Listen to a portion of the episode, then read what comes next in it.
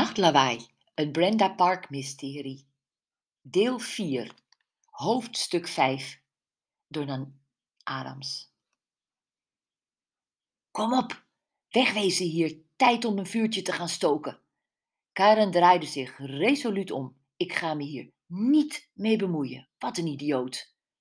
Ho, ho, ho, ho, wat ga jij snel? Brenda hield de snelle stappen van haar vriendin haast niet bij.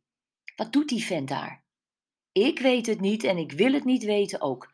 Ik hoor alleen maar van iedereen dat er niemand in het kasteel mag. Er staan borden, er hangen rood-witte linten. En wat doet hij? Hij gaat het kasteel in. Hij spoort gewoon niet. Karen, wacht, ik ben je kwijt. Als een geest die zich oplost in een wolk, was Karen ineens in de mist verdwenen. Brenda stond stil. Welke kant was ze nou opgelopen? Karen! Hierheen!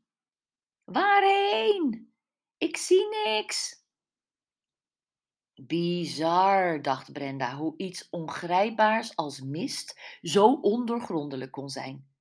Ze keek naar beneden en zag haar eigen voeten niet eens meer. Zie je het schelpenpad? Brenda boog naar beneden en schuifelde met haar neus naar de grond een stukje vooruit. Ja, volg dat. Oké, ik zal blijven praten. Volg mijn stem. Godsamme, ik lijk de klokkenluider van de Notre Dame wel.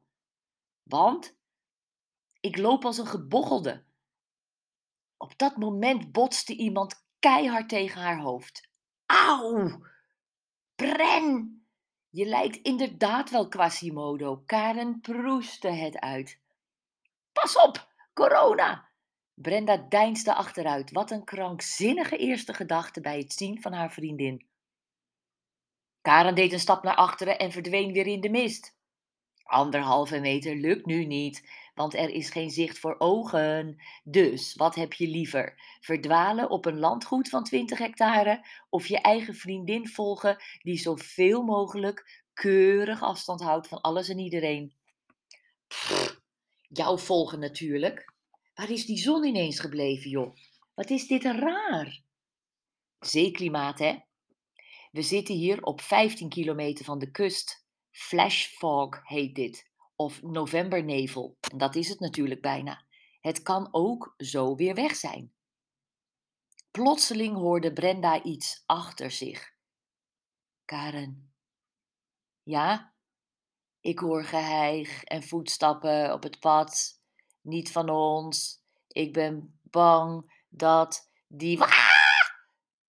Naast haar dook een figuur op.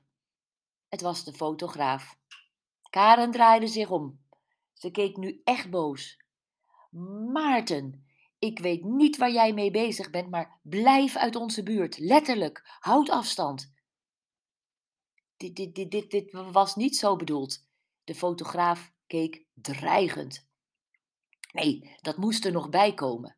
Karen keek net zo uitdagend.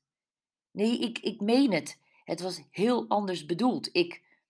Karen knikte meewaardig naar de man die hen met nauwelijks ingehouden woede en met gebalde vuisten bijna briesend aankeek. Ze wenkte Brenda. Kom Bren, we zijn er bijna. Brenda hobbelde half struikelend achter Karen aan. Nu ze weer samen waren, zakte haar paniek, maar gerust was ze nog niet helemaal. En ondanks de wat dreigende sfeer grinnikte ze in zichzelf. Het liefst had ze nu de hand van haar vriendin gepakt. Zij, de vrouw van de wereld, de coach, die iedereen vertellen kon hoe ze moesten leven en die ook nog en passant als verknipte hobby mysteries oploste, deed het nu bijna in haar broek van angst en liep als een scheidluisje achter haar stoere vriendin aan. We zijn er!